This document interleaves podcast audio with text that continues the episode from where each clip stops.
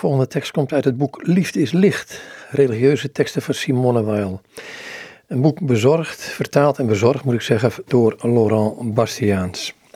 Dit boek is uitgegeven bij Kok Boekencentrum Uitgevers in Utrecht.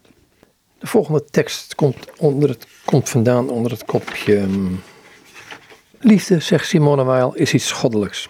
Komt zij in een mensenhart, dan breekt zij het. Het mensenhart is geschapen om al dus gebroken te worden. Wordt het gebroken door andere dingen, dan is dit de spijtigste vergissing die denkbaar is. Maar toch verkiest het hart eerder gebroken te worden door iets anders dan door de goddelijke liefde. Want de goddelijke liefde breekt enkel de harten die hiermee instemmen, en die instemming is moeilijk. De parabel van het evangelie over de koning die genodigden uitnodigt op een feest en die horen moet dat velen zich achter allerlei voorwendsels verstoppen om die uitnodiging te kunnen weigeren, toont aan dat de redenen die ons van God weghouden niet zozeer oorzaken zijn, dan wel voorwendsels om niet op die uitnodiging te moeten ingaan. Een ambtenaar verwaarloost God niet omdat hij te zeer ingenomen is door de zorg voor zijn carrière, maar hij laat zich juist helemaal benomen worden door zijn carrière om niet aan God te moeten denken.